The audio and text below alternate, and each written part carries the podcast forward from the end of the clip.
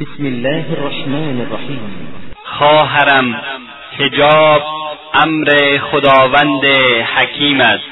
قل للمؤمنين يغضوا من أبصارهم ويحفظوا فروجهم ذلك أزكى لهم إن الله خبير بما يصنعون وقل للمؤمنات يغضبن من أبصارهن ويحفظن فروجهن ولا يبدين زينتهن إلا ما ظهر منها وليضربن بخمرهن على جيوبهن ولا يبدين زينتهن إلا لبعولتهن أو آبائهن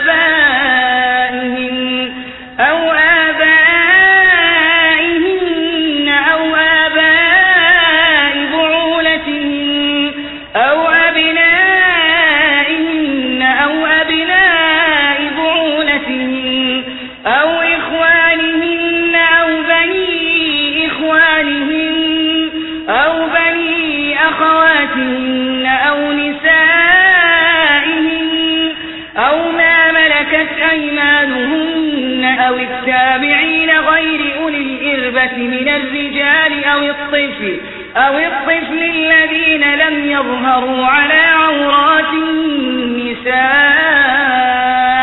ولا يضربن بأرجلهن ليعلم ما يخفين من زينتهن. وتوبوا إلى الله جميعا أيها المؤمنون. لعلكم تفلحون. خواهر مؤمن و مسلمان زنان صبور و شجاع میهنمان آنانی که با ایمان و رشادت و فداکاری چه در داخل و چه در دیار هجرت در مقابل مصائب و مشکلات ایستادند. امروز دشمنان قسم خورده اسلام سرسختانه میکوشند تا چادر عفت و عزت تو را از سرت بردارند. زیرا آنها از اجاب تو میترسند و می‌دانند تا اجاب توست نمی‌توانند برنامه های شوم خود را عملی سازند.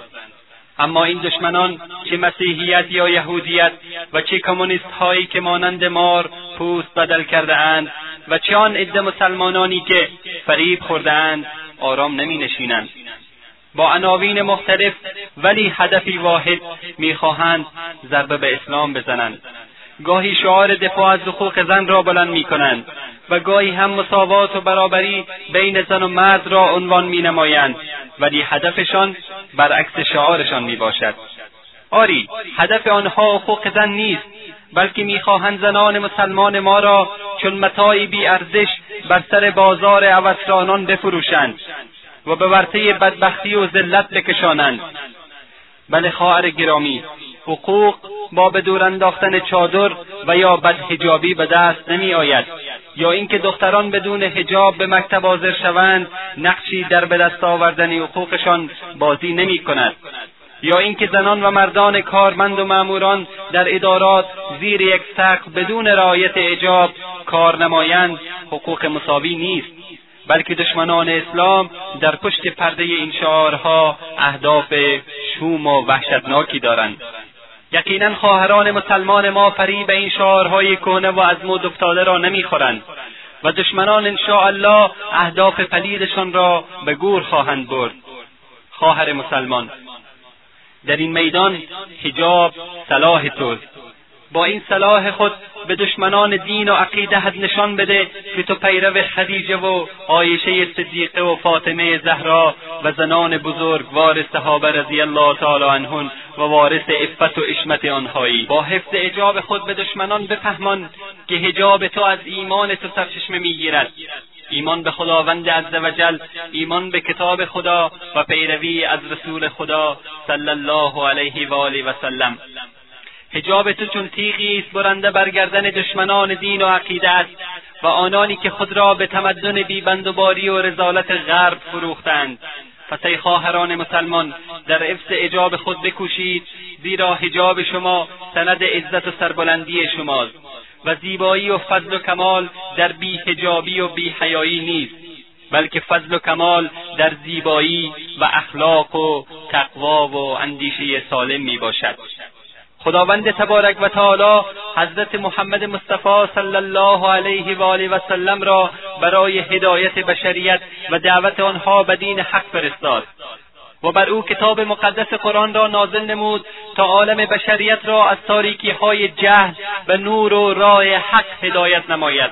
او را فرستاد تا مردم را به عبادت خدای عزوجل بخواند و اوامر و نواهی خداوند متعال را به انسانها بیاموزد و ایشان را از پیروی شیطان و شهوات و هوای نفس باز دارد.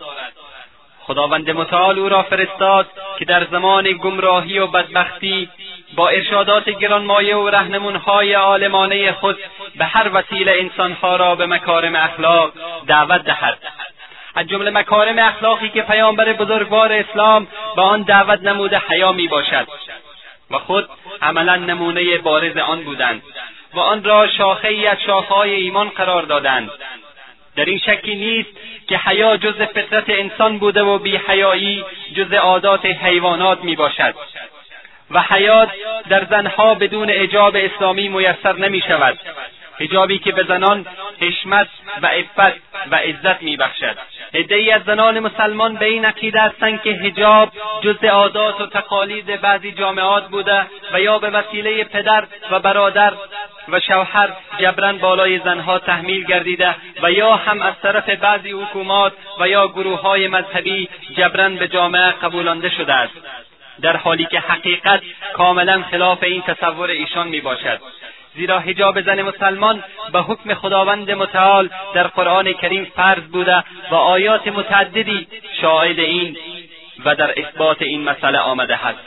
چنانچه خداوند حکیم و توانا در قرآن کریم در ارتباط زنان مؤمن چنین میفرماید. و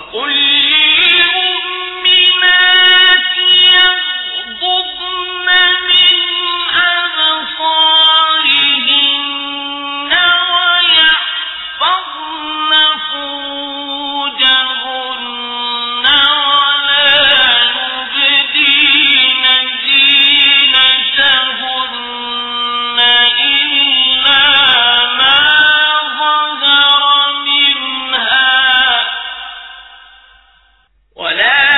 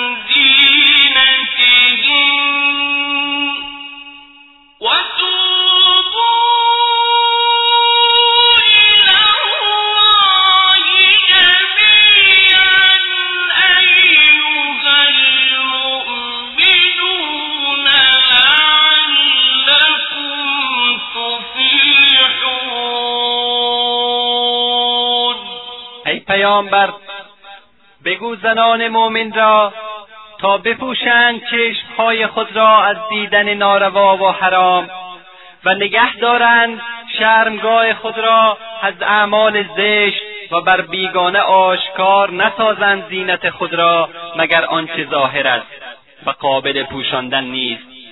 باید که بپوشانند گریبان و سینه خود را زینت و جمال خود را آشکار نسازند مگر به شوهران خیش و یا پدران خیش و یا پدران شوهران خیش یا پسران خیش یا پسران شوهران یا برادران و یا پسران برادران یا پسران خواهران یا زنان خانواده و یا کنیزان آنها و یا اتباع خانواده که به زنان رغبت ندارند و یا اطفالی که هنوز بر عورت و مهارم زنان آگاه نیستند و غیر از اینان از کسان دیگر در حجاب باشند و طوری پای بر زمین نزنند که زینت پنهانشان آشکار شود و ای اهل ایمان همه به درگاه خدا توبه کنید باشد که رستگار شوید. از این آیه مبارک ثابت میگردد که حجاب یعنی پوشاندن کامل بدن و سر و خاصتا صورت فرض می باشد و جلباب همان ردا و یا تنپوش واسعی است که تمام بدن را می پوشاند و این گونه است که خداوند به نبی خود صلی الله علیه و آله و سلم امر می کند تا به همسران و دختران و زنان مؤمن بگوید که صورت و گردن خود را سطر نموده و بپوشانند. با مراجعه به کتاب خدا و سنت رسولش صلی الله علیه و آله و سلم و پس از موازنه امور به این نتیجه می رسیم که بر یک زن واجب است که صورت خود را از مردان بیگانه و کسانی که از مهارم او نبوده و همچنین شوهر او نیز نمی باشند بپوشاند. زمانی که بر یک زن واجب است سر خود را سطر نموده و پاهای خود را بپوشاند و همچنین قدمهای خود را محکم به زمین نکوبد تا مبادا زینتهای پوشیده شده او همانند خلخال و غیر آشکار گردد آیا عاقلانه است که بگوییم صورت زن جزو عورت او نبوده و سطر آن واجب نیست؟ حالان که فتنه حاصله از نمایان شدن صورت بارها سنگینتر از فتنه است که انگام ظاهر شدن مویی از مویهای سرش و یا ناخونی از انگشتان پایش حاصل می شود و هنگامی که یک فرد عاقل و مؤمن به این شریعت و احکام و اسرار آن به دیده تأمل بنگرد این گونه نتیجه می‌گیرد که نمی‌توان یک زن را ملزم به پوشاندن سر گردن بازوان و ساق و پا نمود. سپس به او اجازه داده شود که دست و صورت آکنده از زیبایی و جمالش را که همه جا آشکار ساخته و به همه بنماید.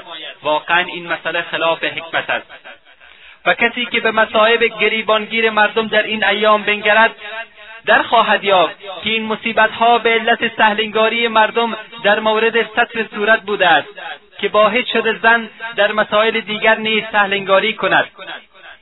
هنگامی که یک زن سر و گردن و سینه و بازوانش را در بعضی از کشورهای اسلامی بدون هیچ مبالاتی در معرض دید همگان گذارده و در بازارها به قدم زدن می‌پردازند آنگاه است که باید یقین نمود که پوشانیدن و سطر صورت زنان به مقتضای حکمت بوده است. پس باید به سراحت به زنان گفت که تقوای خداوند پیشه نموده و به حجاب واجبی که همه بدن آنها را از غیر شاهران و نامحرمانشان میپوشاند و هیچ فتنهای به دنبال ندارد آراسته گردند و اگر به بدحجابی و چهره نمایی آنان به مردان و بیگانگان بنگریم در خواهیم یافت که این مسئله فساد بسیار زیادی را پشت سر دارد.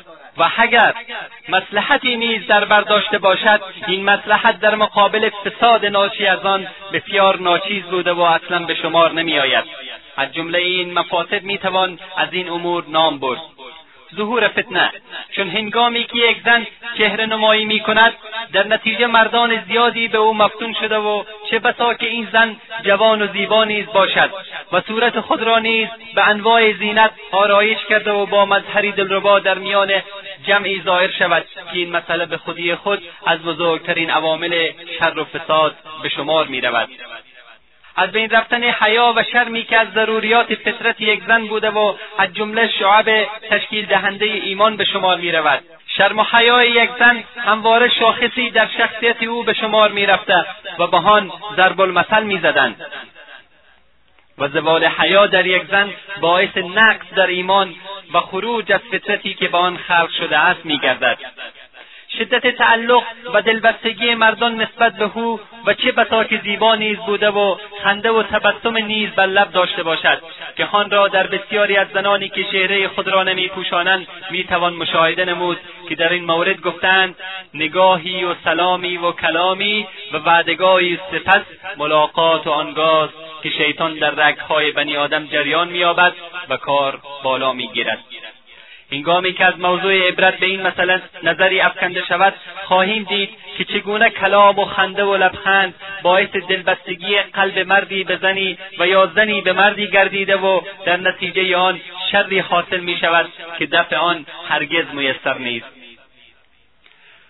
اختلاط و آمیزش زنان با مردان چون هنگامی که یک زن خود را در کشف چهره و آزادی آمده شد با مردان مساوی می‌بیند در هنگام این اختلاط و آمیزش شرم و حیا را فراموش کرده و در نتیجه آن فتنه بزرگ و فسادی عظیم حاصل میگردد.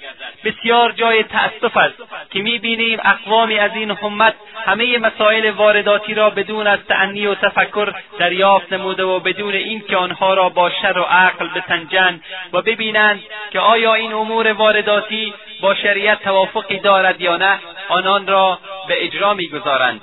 آیا بهتر نیست که هر حمری که به این امت وارد میگردد با شریعت خداوند محک زده شود؟ و در صورت مخالفت آن با این شریعت مردود شمرده شده و از آن اجتناب گردد.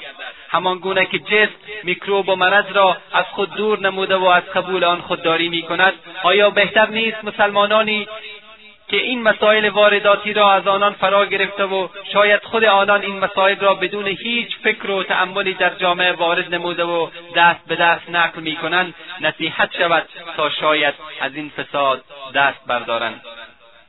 چون یک شخص مؤمن باید دارای شخصیت قوی بوده تا دیگران از او تبعیت کنند. نه اینکه به هر رسمی تابع دیگران باشد.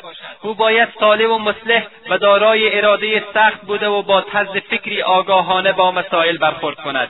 و حتی در صورتی که این مسائل وارداتی با شریعت اسلامیان مخالفتی نداشت باز هم باید با آن با دیده عقل نگریسته و نتایج به کار بستن آنان را در کوتاه و دراز مدت تحلیل و بررسی نماید. پس هنگامی که خط مشی این گونه ترسیم گردیده و بر آن حرکت کنیم آنگاست که می‌توان گفت ما با آگاهی کامل و در اتجاهی صحیح و سالم گام برمیداریم و به اذن خداوند تبارک و تعالی موفق خواهیم بود. و از امور دیگری که باید از دیده شر و عقل بازنگری شود این است که بسیار پیش آمده که می‌بینیم دختر و یا زن جوان از خانه به سوی بازار را میافتد. در حالی که لباسی فتن انگیز و زیبا به تن دارد. این لباس کوتاه و یا بلند است و پوشش آن عبایی است که ممکن است کوتاه یا بلند باشد و گاه نیز بادی وزیدن گرفته و آن را میگشاید. گاهی نیز خود دختر به عمد آن را کنار می‌زند. او بیرون میآید در حالی که روبندی به رخسار دارد اما این پوشش آنقدر نازک و رقیق است که به راحتی می‌توان رنگ پوست صورت او را توصیف نمود. و گاهی نیز این روبند را آنقدر محکم به صورت خود می‌کشند که پستی و بلندی چهرهاش را همچون بینی و گونه ها می‌توان به راحتی تشخیص داد. او دستبند طلایش را به دست می‌کند و پرده از بازوان میگشاید تا این طلاها را آشکار کند. انگاری به همه مردم می‌گوید آهای مردم بیایید ببینید که من چه تن دارم. فتنه است بس بزرگ و مهنتی بسیار عظیم. او خود را به عطری قوی می که بوی آن هر صاحب قلبی را به خود مفتون می کند. حالان که حضرت رسول خدا صلی الله علیه و آله و سلم فرمودند اگر زن خود را به عطر آراسته و از مجلسی عبور کند این گونه و آن گونه است. یعنی زناکار است. و همچنین رسول خدا صلی الله علیه و آله و سلم فرمودند هنگامی که یکی از شما زنان از خانه به سوی مسجد بیرون شدید پس به خود عطر نزنید. آری او از خانه بیرون شده و با گامهای سخت به سوی بازار را میافتد. همان گونه که قویترین مردا پای بر زمین میکوبند. انگار می‌خواهد همه مردم قوت و نشاط او را دریابند. گاهی نیز مصاحب و دوستی از دختران دیگر به همراه دارد و می‌توان صدای خنده و شوخی آنها را به راحتی شنید. گاهی نیز همدن این یکی به آن یکی تنهای می‌زند تا بهانهای برای خنده دست دهد. آنگاه به فروشگاهی وارد می‌شوند و برای خرید جنسی بازو و دستهای خود را بیرون میاندازند. صاحب دکان نیز فرصت را غنیمت میشمارد و مزهپرانی را شروع می‌کند و گاهی با خنده گاهی با شوخی سخنان یکدیگر را پاسخ می‌گویند. مسائلی از این قبیل بسیار زیادند که همه و همه از اسباب فتنه بوده و باعث خطری عظیم و بروز سلوک و رفتار زشت میگردد که از رهنمودهای اسلام و طریقت امت اسلامی بدور است. خداوند در مورد زنان رسول خدا صلی الله علیه و آله و سلم که الگوی زنان جهان می‌باشند می‌گوید در خانه هایتان بنشینید و بدن خود را همانند دوران جاهلیت پیشین نمایان نکنید. و حضرت رسول خدا صلی الله علیه و آله و سلم میفرمایند زنان را از رفتن به مساجد منع نکنید و خانه های آنان برای آنها بهتر است. خانه های آنان از چه چی چیزی برای آنها بهتر است؟ از مساجد خداوند. در نتیجه خروج آنان به بازارها را چگونه می‌توان توجیه نمود؟ این حدیث به این امر دلالت می کند که یک مرد می تواند زن را از خروج بجز به قصد مساجد منع کند. و بنابراین مسئله هیچ گناهی بر او مترتب نمی گردد اما من نمودن یک زن از زینت و آرایش و استعمال عطر و چهره گشایی و نمایاندن صورت از واجبات یک مرد است و او مسئول بوده و روز قیامت در این مورد از او سوال خواهد شد. هنگامی که می‌بینیم یک پیرزن از زینت و تبرج و آرایش من شده است پس چگونه می‌توان یک زن جوان و یا دختر جوان که انواره محل فتنه می‌باشد اجازه داد تا دست به این اعمال بزند؟ در قسمت دیگری از این آیه مبارکه میفرماید و پای محکم بر زمین نزنند تا زینت و زیور پنهان پاهایشان معلوم شود. که منظور همان خلخال است که زن به پای خود میبندد و در زیر لباس وی پنهان است. و در صورتی که پاهای خود را سخت به زمین بکوبد صدای آن شنیده می شود پس انگامی که بروز صدای خلخال که زینت پای یک زن بوده و در زیر لباس پنهان است بدین گونه نه شده است. پس در مورد زنانی که بازوهای خود را برهنه کرده تا زینت دستهایشان نمایان گردد چه حکمی می‌توان داد؟ به راستی که فتنه نگاه و مشاهده بارها سنگینتر از فتنه صدای خلخال و شنیدن آن است. بنابراین پوشاندن صورت هم واجب است زیرا صورت مقام اول در جمال و موضوع فتنه می باشد پس نخست پوشاندن سر و صورت ضروری است. و در آیه دیگری خداوند متعال میفرماید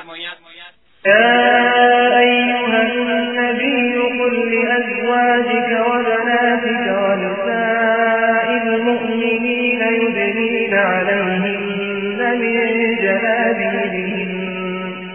ذلك أدنى أن يعرفن فلا يؤذين. وكان الله غفورا رحيما. ای پیامبر بگو به زنان خود و دختران خود و زنهای مؤمنان که خیش را از سر تا پا با چادری بپوشانند. این کار برای آن است که به عفت و عزت شناخته شوند تا از تعرض و اذیت حوسرانان آزار نکشند و این حجاب برای آنها بهتر است و خداوند آمرزنده مهربان است. و حضرت ابن عباس رضی الله تعالی عنه در تفسیر این آیه فرمودند که خداوند امر نموده زنان مؤمن را که اگر برای حاجتی از خانه خود خارج می‌شوند سر و صورت و بدن خود را بپوشانند. فقط در وقت ضرورت چشم خود را آشکار نمایند مانند دیدن راه و در غیر آن بپوشانند. و از ام سلمه رضی الله تعالی عنها روایت است که زنان انصار در زمان پیامبر صلی الله علیه و آله و سلم وقتی از خانه خارج می‌شدند از سر تا پای خود را با عبای سیاه میپوشاندند. و پیامبر صلی الله علیه و آله و سلم در حدیثی که بخاری روایت نموده نگاه های زن و مرد نامحرم را به عنوان زنای چشم نام برده و میفرمایند چشمها هم مرتکب زنا می‌شوند و زنای آنها نگاه کردن و نظر کردن است. خواهر و برادر مسلمان پیامبر صلی الله علیه و آله و سلم نظر کردن را زنا نامیدند. چون که یک نوع لذت جویی جنسی از طریق غیر مشروع می باشد. این نگاه های حرام حساس حفت را تهدید می نماید و خطری است که تمرکز فکر و اطمینان قلب و آرامش روح را نیز تهدید می کند در جای دیگری پیامبر بزرگ اسلام صلی الله علیه و آله و سلم خطاب به سیدنا علی رضی الله تعالی عنه فرمودند نظر اول را تکرار مکن. اولین نظر برای توست یعنی گناه ندارد. ولی نظر دوم برای تو نیست یعنی گناه دارد. هرگاه انسان به صورت ناگهانی و زود گذر چشمش به نامحرمی افتاد اسلام با گذشت و سعه صدری که دارد آن را گناه محسوب نمی کند. از جریر ابن عبدالله رضی الله تعالی عنه روایت است که می‌گوید از پیامبر صلی الله علیه و آله و سلم درباره نظر ناگهانی سوال کردم. ایشان فرمودند چشمت را برگردان یعنی مجددا نگاه نکن.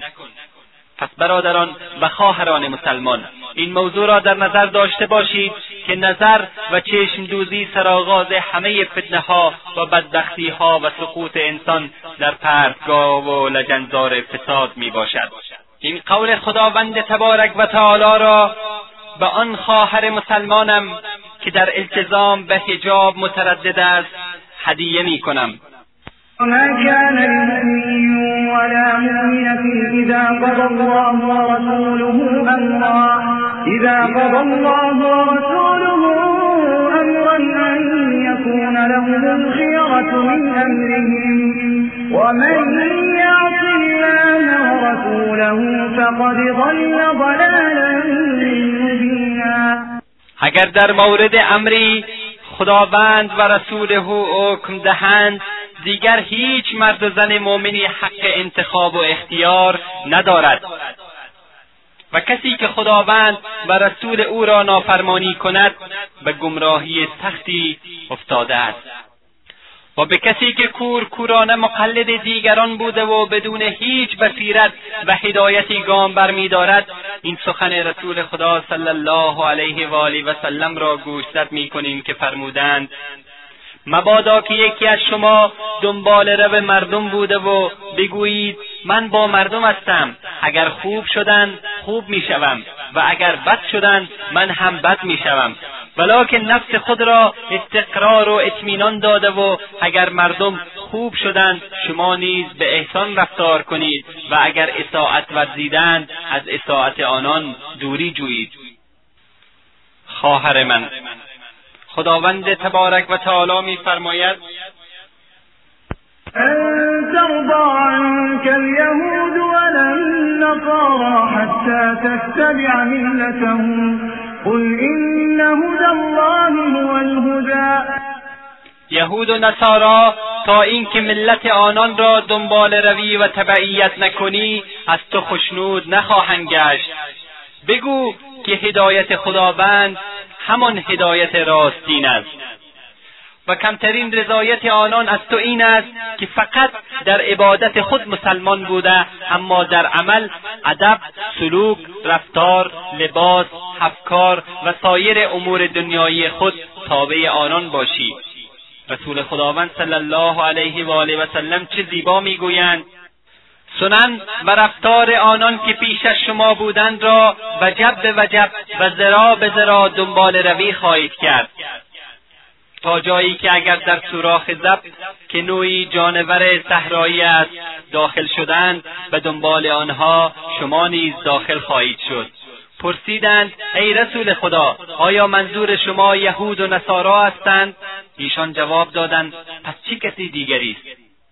خواهر مسلمانم تو بایستی به صورتی شایسته به لباست احتمام ورزی و برای خود شخصیتی داشته باشی. تو بایستی در بذل جان و مال به خدیجه رضی الله تعالی عنها و در فقه دین به عایشه صدیقه رضی الله تعالی عنها و در صبر و نگهداری و حفظ دین خداوند به آل یاسر رضی الله تعالی عنهم اقتدا کنی.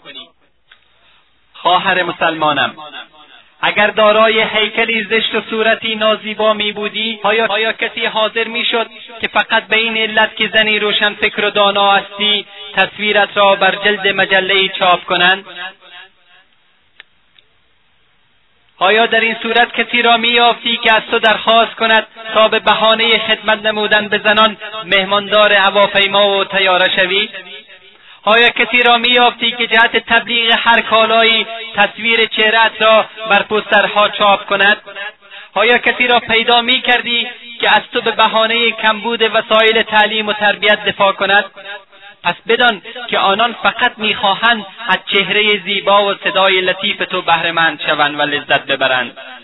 پس هرگاه این خصال را در تو نیافتند همانند کالایی کهنه و قدیمی که مدت صلاحیت آن به پایان رسیده است تو را رها می‌کنند و فراموش خواهی شد.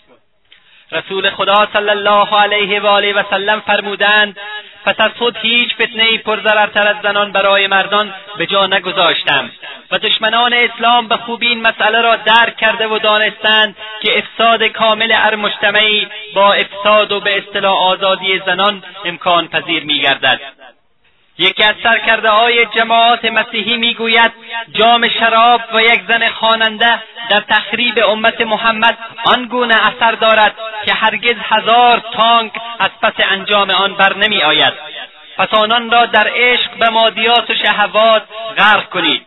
و برادر دیگرش می‌گوید بر ما واجب است که زنان را به سوی خود جلب کنیم. هرگاه یک زن دستش را به طرف ما دراز کند به نتیجه مطلوب رسیده ایم و لشکر انصار دین محمد را از پای درآورده و از هم پاشیده ایم به همه کسانی که می‌خواهند هنرپیشه ها و خواننده های زن یعنی این تفاله های اجتماع را الگوی زنان مسلمان معرفی کنند این اختار را پیشکش می‌کنیم. إن الذين يحبون أن تشيع الفاحشة بالذين آمنوا. لهم عذاب أليم في الدنيا والآخرة. والله يعلم وأنتم لا تعلمون. به کسانی که دوست دارند تا فحشا در مؤمنان اشاعه پیدا کند در دنیا و آخرت عذابی دردناک کشند و خداوند می‌داند و شما نمی‌دانید. این وعید و انذار برای کسی است که می‌خواهد و دوست دارد. پس خود بگویید برای کسی که با آن عمل می‌کند چه وعید و سرانجامی در انتظار خواهد بود. رسول خدا صلی الله علیه و آله و سلم فرمودند دو گروه از اهل آتش را من ندیدم. قومی که شلاقهای امانند دم گاو به دست داشته و با آن مردم را می‌زنند و زنانی لباس پوشیده و در حقیقت اوریان دور از راه حق دور کننده دیگران از راه حق که سر آنها همانند کوهان کج شده شتر است. آنها به بهشت وارد نمی‌شوند و هرگز بوی آن را نیز به مشامشان نمی‌رسد. حالان که بوی بهشت از مسیرهای چنین و چنان کنایه از بعد مسافت است به مشام می‌رسد.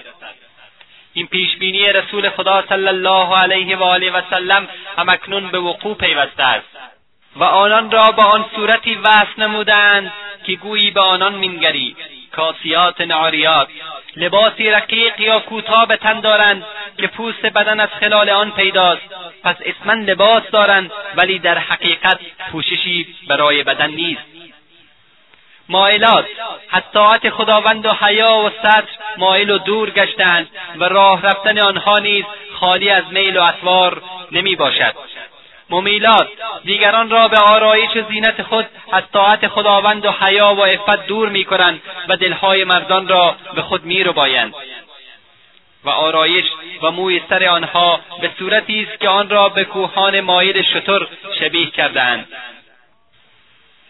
خطاب به همه پدرها و برادرها و شوهرها. خداوند سبحان میفرماید أيها الذين آمنوا قوا أنفسكم وأهليكم نارا.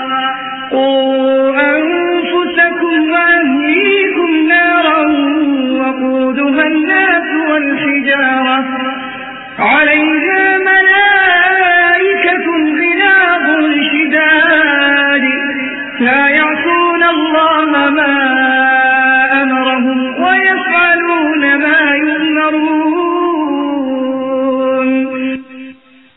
کسانی که ایمان آورده اید خود و خانواده خود را از آتش دور نگه دارید.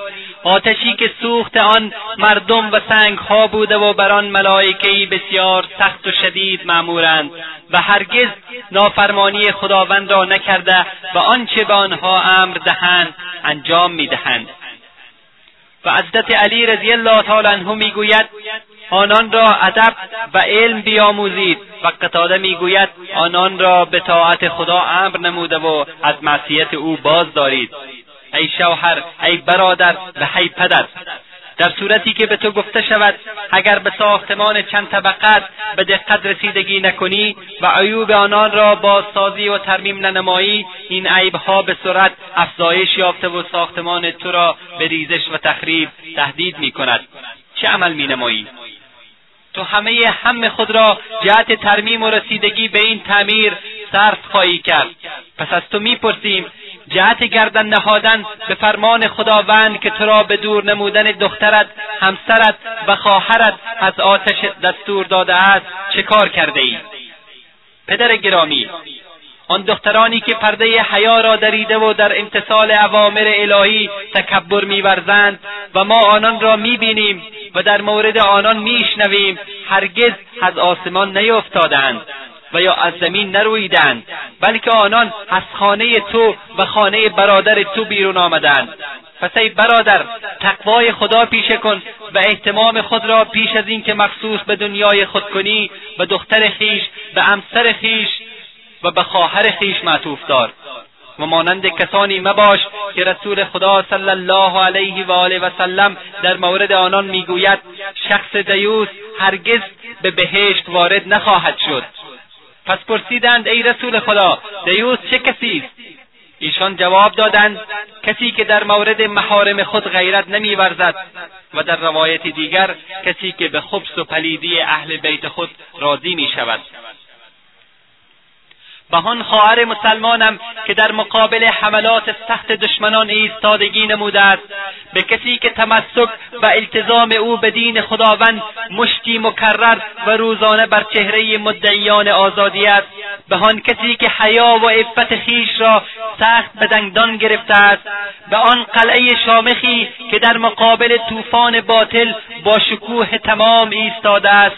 و دختری که کتاب خداوند را به دست داشته و پرچم رسول خدا صلی الله علیه و آله و سلم را به احتزاز در میآورد این سخن رسول خدا صلی الله علیه و آله و سلم را هدیه می کنم. حضرت رسول خدا صلی الله علیه و آله و سلم فرمودند ان الاسلام بدأ غریبا و سیعود غریبا کما بدأ فتوبى للغرباء قیل ومن هم یا رسول الله؟ قال الذين يصلحون اذا فسد الناس. به راستی که اسلام بیکس و غریب و ناشناس آغاز شد و باز به غربت و بی کسی باز خواهد گشت همانطور که آغاز شده بود. پس توبا درختی در بهشت برای غریبان. پرسیدند ای رسول خدا غریبان چه کسانی هستند؟ ایشان فرمودند کسانی که در زمان فساد مردم در جهت اصلاح آنها میکوشند. سلام خداوند که صابرین و مؤمنان را به آن بشارت داده است بر او باد. اکنون می‌خواهیم بعضی از اعمالی که سبب غضب خداوند متعال میگردد و اشتباهاتی که بعضی از زنان مسلمان مرتکب آن میگردند برایتان بیان نماییم. رفتن آنها در نزد جادوگران و فالبینان به خاطر بخت و طالع زیرا پیامبر اسلام صلی الله علیه و آله و سلم فرمودند هر که در نزد فالبین و جادوگر برود و حرف آنها را باور کند مثل این است که به قرآن کافر شده باشد. و یا بعضی از زنها به مقابر و زیارتها می‌روند و حاجات خود را می‌خواهند یا شفای بعضی از امراض را میطلبند. عین شرک بوده و از گناهان بس بزرگ محسوب می‌شود. در حالی که زنها حتی از زیارت عادی قبرها من گردیدند پیامبر بزرگوار اسلام صلی الله علیه و آله و سلم میفرمایند خداوند لعنت فرستاده است بر زنانی که به زیارت قبرها می‌روند. بناهن زیارت قبرها و چرخ خوردن به اطراف قبرها همه از شرک محسوب می شود. و نیز پیامبر صلی الله علیه و آله و سلم در حدیث متفق علیه میفرمودند کسانی که در وقت مردن کسی به سر و صورت خود می‌زنند و لباس خود را پاره می‌کنند از امت من نیستند. مبالغه در آرایش تا جایی که منجر به تغییر خلقت خداوند متعال می شود مثل خال کوبی چیدن ابرو و جراحی پلاستیکی و یا تجمیلی. باریک ساختن دندانها و یا وصل موهای اضافی.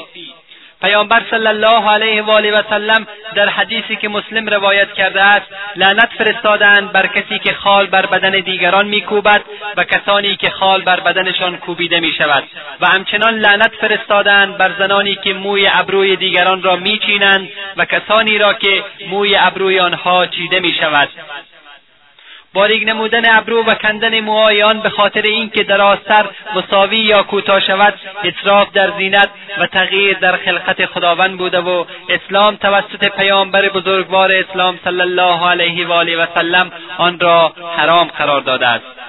و در حدیث دیگر پیامبر صلی الله علیه و آله و سلم فرمودند هر زنی که لباسش را در غیر منزل شوهرش تبدیل کند حتما پرده بین خود و پروردگارش را پاره می نماید قتاده رحمت الله علیه می‌گوید زنان زمان جاهلیت چادر و دستمال به سر می‌کردند ولی آن را محکم نمیبستند. در نتیجه این پوشش ها ثابت نمیماند و بعضی از اعضای بدنشان ظاهر میگردید.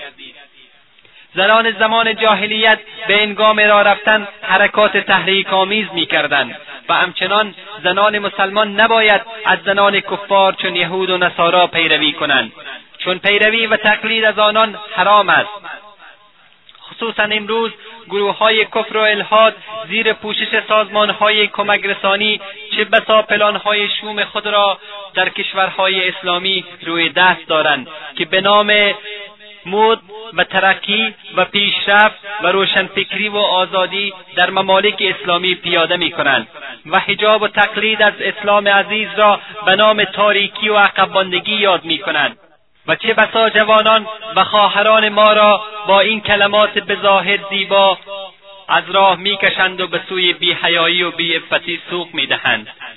و با انتشار و پخش افلام ویدیویی و سینمایی به نام پیشرفت روشنگری نسل آینده ما را به سوی دنیای تاریکی و جهل و بیخبری و بیمسئولیتی میکشانند که در آینده می‌خواهند از ما ملتی بسازند که جز فسق و فجور چیز دیگری را به ارمغان نداشته باشیم. آخرین احصایه هایی که مرکز تحقیقاتی رابطه عالم اسلامی نشان می‌دهد که 98 درصد سازمان های خیریه و کمک رسانی خارجی در کشورهای اسلامی فحشا و پخش رزالت را از اولویت های کار خود می‌دانند. یکی از رهبران آنها در کنفرانسی که در واتیکان تشکیل شده بود با سراحت لحجه می‌گوید سازمانهای ما نباید بکوشند که مسلمین را به مسیحیت دعوت کنند بلکه بکوشند که مسلمین را از اسلام جدا بسازند. این کار با دو امر امکان پذیر است. برای جوانان زمینه فساد آماده شود و دختران را از حجاب دور بسازیم. وقتی ما به این کار موفق شدیم باقی به شکل طبیعی بدون زیای وقت به دست میآید. یعنی در قبول مسیحیت کدام صد مشاهده نمی شود این از توفه آنها همراه چند کیلو گندم و چند دانه تابلت زکام. پس ای پدر با احساس ای مادر مهربان چه بهتر است از زمین الان متوجه پسران و دختران خود باشیم و از خودی آنها را با حجاب و فرامین اسلامی آشنا سازیم و از اهداف شوم دشمنان که هر لحظه چون مار پوست بدل می کنند و در کمین نشستهاند آنها را آگاه نماییم.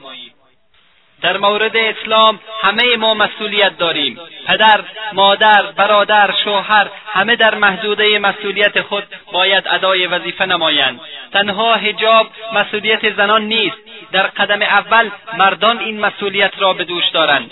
عدهای از مردان فکر می‌کنند که حجاب و پوشاندن چشم از نگاه حرام تنها وظیفه زنان بوده و مردان هرچه بخواهند بکنند. اما خداوند تبارک و تعالی میفرماید للمؤمنين يغضوا من أبصارهم ويحفظوا فروجهم.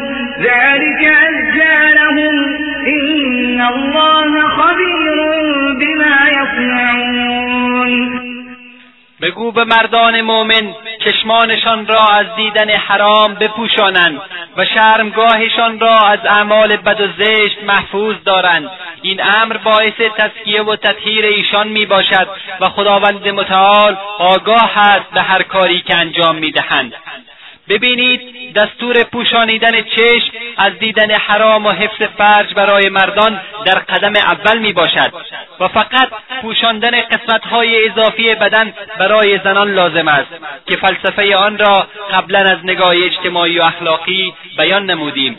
پس چنان که واضح گردید التزام مردان در مورد حجاب سختتر از زنان است. چون مرد همیشه در میان اجتماع می باشد. پس باید از لحاظ عفت کاملا مراقب خود باشد. خداوند متعال در آیه شریفه دیگری خطاب به زنان پیامبر که حکم آن عام می باشد چنین میفرماید وإذا سألتموهن متاعا فاسألوهن من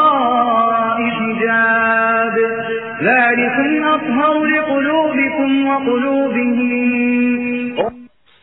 اگر از آنان چیزی می‌خواستید آن را از پشت پرده بخواهید که این امر بر قلبهای شما و آنان پاکتر است. باید از خواهران خود بپرسیم برای قلبهای چه کسانی پاکتر است؟ برای قلبهای امسران طاهره نبی صلی الله علیه و آله و سلم که به نام مادران مؤمنین لقب یافتند و یا برای اصحاب رسول خدا صلی الله علیه و آله و سلم که بعد از پیامبر صلی الله علیه و آله و سلم بهترین افراد امت می باشند. وقتی برای ایشان چنین حکمی باشد برای قلبهای سیاه ما در این زمان و ایام پر از فتنه چه باید گفت؟ در اینجا می‌خواهم حسنافی از مردان را متذکر شویم. که به عنوان محرم شرعی به شمار رفته و به استثنای اینها افراد دیگر به عنوان بیگانه شمرده می‌شوند و تنها در مقابل این افراد که ذکر میگردد زنان می‌توانند زینتهای ظاهری خود را آشکار نمایند. اول پدر و پدرکلان زن چه پدری باشد و یا مادری؟ پدر شوهر برای عروس حکم پدر را دارد. اولاد زن و نواسعای او چه پسری باشد یا دختری. اولاد شوهر که از زن دیگری او باشد که در این صورت زن به منزله مادر آنهاست برادران نسبی و رضایی. برادرزاده و خواهرزاده. زنان مسلمان به همدیگر البته زنان کافر حق ندارند به زینتهای پنهانی زن مسلمان نگاه نمایند. ملک الیمین کنیز و جاریه. بچه های خردسنی که هنوز از مسائل زن و مرد چیزی نمی‌دانند.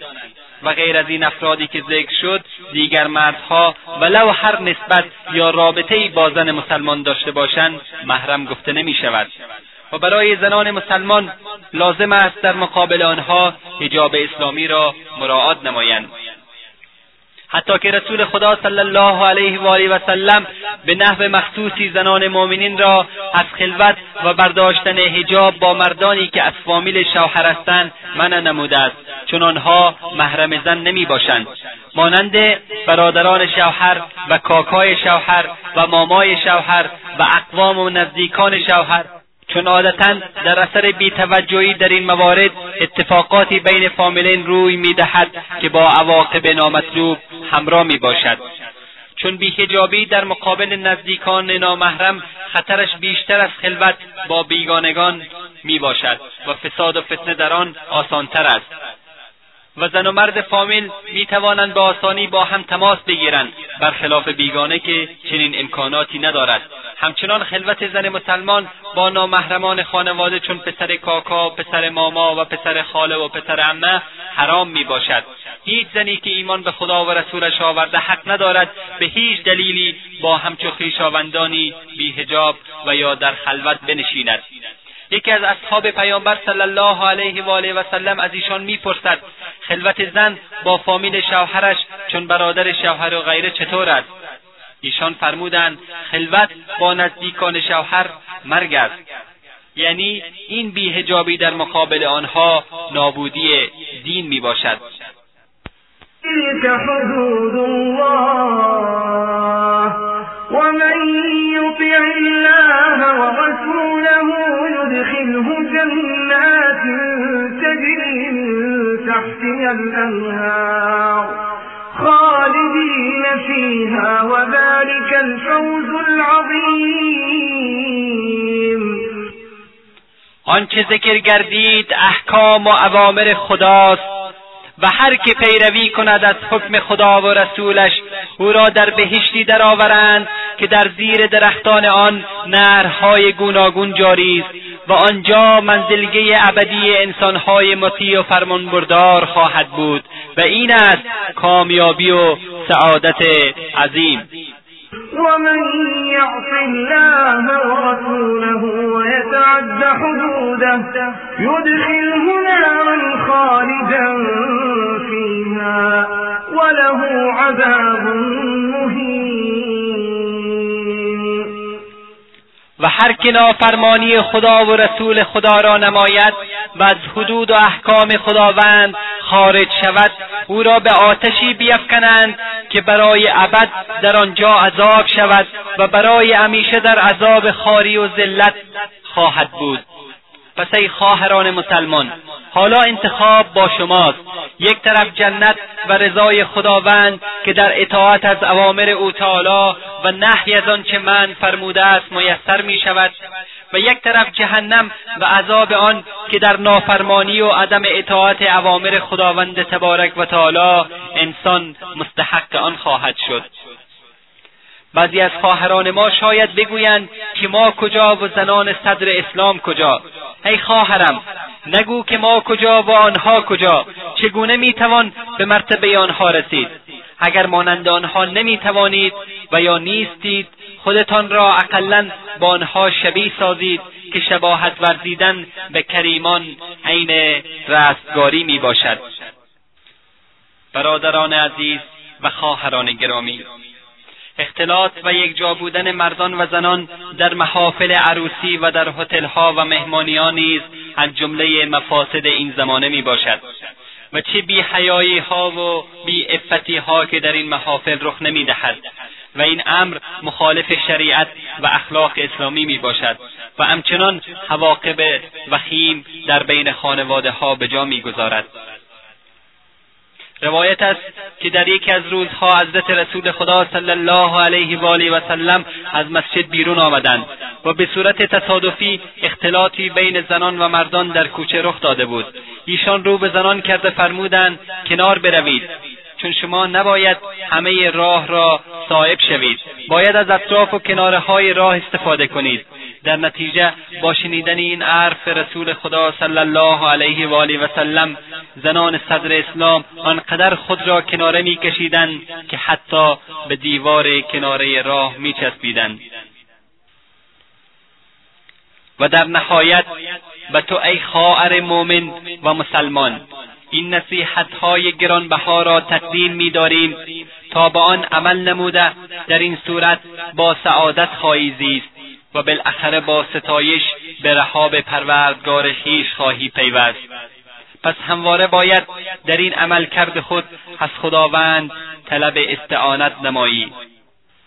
خداوند یکتا را آنگونه که در کتاب گرانبهایش قرآن و توسط فرستاده عالی مقامش حضرت سیدنا محمد صلی الله علیه و آله و سلم تو را امر نموده است عبادت نما. از شرک در عقیده و عبادت خیش بر حذر باش و دوری نما چون شرک همه اعمال تو را نابود ساخته و موجب خسران دنیا و آخرت خواهد گشت. از انواع بدعت چه در عقیده و چه در عبادت خود پرهیز کن. چون بدعت پیامدی جز گمراهی نداشته و صاحب بدعت در آتش جهنم خواهد سوخت. از نمازهای خود به زیبایی و کمال تمام محافظت کن چون هر آن که بر نمازهای خیش محافظت و تداوم داشته باشد دیگر مسائل را نیز حافظ خواهد بود. و هر کسی که آنها را ضایع نموده و در انجام آن سهلنگاری کند در حفظ دیگر مسائل نیز سست و سهلنگار خواهد شد. اگر ازدواج کرده ای همواره خواست همسرت را اجرا نموده در مقابل امر و نهی او اسیان مکن تا جایی که تو را به معصیت خدا و رسولش صلی الله علیه و آله و سلم دستور نداده باشد. همسر خیش را در غیاب و حضورش در نفس خودت و مال او حفظ نما. و همسایهت با سخن نیک و کردار پسندیده احسان کن. ملازم خانه خود بوده و بجز در انگام ضرورت از آن خارج مشو. در صورت خروج از خانهات سطر و حجاب کامل خود را رعایت نموده و چهره و دستان خود را بپوشان. به والدین خود احسان کن و آنان را با سخن و یا فعل خود آزار مده و تا زمانی که تو را به معروف امر می‌دهند از آنان اطاعت کن و اگر تو را به غیر معروف امر دهند اطاعت از آنان جایز نیست. اگر دارای فرزند هستی در تربیت فرزندان خود کوشش کن و آنان را به راستی نظافت گفتار نیکو و کردار پسندیده عادت بده و آنان را ادب و محاسن اخلاق بیاموز. فرزندان خود را در هفت سالگی به ادای نماز امر نما و در سن ده سالگی اگر در ادای نماز سستی نمودند آنان را تنبیه کن و بستر خواب آنها را از یکدیگر جدا نما. در ذکر و صدقه کوشا باش. این بود نمونه ای از هدایات و ارشادات حکیمانه اسلام که اگر ما مسلمانان هم از مرد و زن پیر و جوان با آن عمل نماییم و بر وفق آن رفتار کنیم از چیزهایی که من نموده صرف نظر نماییم به مدارج علیای فضیلت و سعادت و موفقیت خواهیم رسید. و سراغ راه راست و هدایت را از قرآن باید جست چنانچه خداوند تبارک و تعالی میفرماید این قرآن به راه راست و راه درست و برابر راهنمایی می کند و مژده می‌دهد مسلمانانی را که دارای اعمال نیک و صالحاند و مزد و پاداشی بزرگ. بله ای مسلمانان اگر می‌خواهید لذت و زیبایی مسلمان بودن را درک نمایید و لذت ایمان را بچشید در وقتی که شیطان و هوای نفس شما را به گناه و دیدن حرام میطلبد چشم خود را ببندید و روی خود را بگردانید. آن وقت خواهید فهمید که لذت ایمان یعنی چه و سرکوبی هوای نفس شیطان یعنی چه. در خاتمه با این حدیث مبارک و این دسته گل زیبا که رسول خدا صلی الله علیه و آله و سلم سعادت دنیوی و اخروی را برای زنان مسلمان با این حرف گوهربارشان نشان دادهاند به پایان میرسانیم. پیامبر صلی الله علیه و آله و سلم میفرمایند اگر زنی پنج وقت نماز را ادا نماید و ماه رمضان روزه بگیرد و عفت و پاک دامنی خود را حفظ نماید و از شوهرش در اموری که معصیت و نافرمانی خدا نباشد اطاعت نماید. در روز قیامت به او گفته می شود از هر دری که می‌خواهی داخل جنت شو. پس ای خواهر مؤمن و مسلمان اگر واقعا تصمیم بگیری و عهد کنی این کار چندان مشکل نیست. کاری خیلی ساده و آسان است. دروازه های بهشت در مقابلت باز میگردد. فقط همین حالا از جا برخیز وضوع بگیر و دو رکت نماز بخوان و با خداوند خود عهد کن که از این به بعد مطیع و فرمان بردار او باشی. اگر تو از امین حالا به این کار شروع نمایی و از گذشته ها توبه کنی مطمئن باش که خداوند متعال گذشته ها را عفو می کند و این را خود خداوند وعده نموده است. و در عوض جنتی را برایت نصیب می سازد که از زیر باغها و درختهای آن نهرها جاری است و هر نعمتی که آرزو داشته باشی در آنجا میسر است. در پایان از بارگاه رب العزت و الجلال مسئلت می نماییم که ما و همه مسلمانان و خصوصا خواهران مؤمن ما را به آنچه فلاح و رستگاری در دنیا و آخرت می باشد راهنما شود و به همه زنان و مردان مؤمن و مسلمان توفیق عنایت فرماید که پیرو قرآن و سنت بوده و از اوامر باری تعالی اطاعت نمایند. و از آنچه نهی فرموده اجتناب نماییم. و السلام علیکم و رحمت الله و برکاته. صدق الله العظيم الكبير المتعالي صدق الله الذي لا تعجزه ظلمات الليالي صدق الجبار الذي أرسى الجبال العوالي سبحانه من إله عظيم يغفر الذنوب ولا يبالي. سبحانه من إله عظيم يغفر الذنوب ولا يبالي.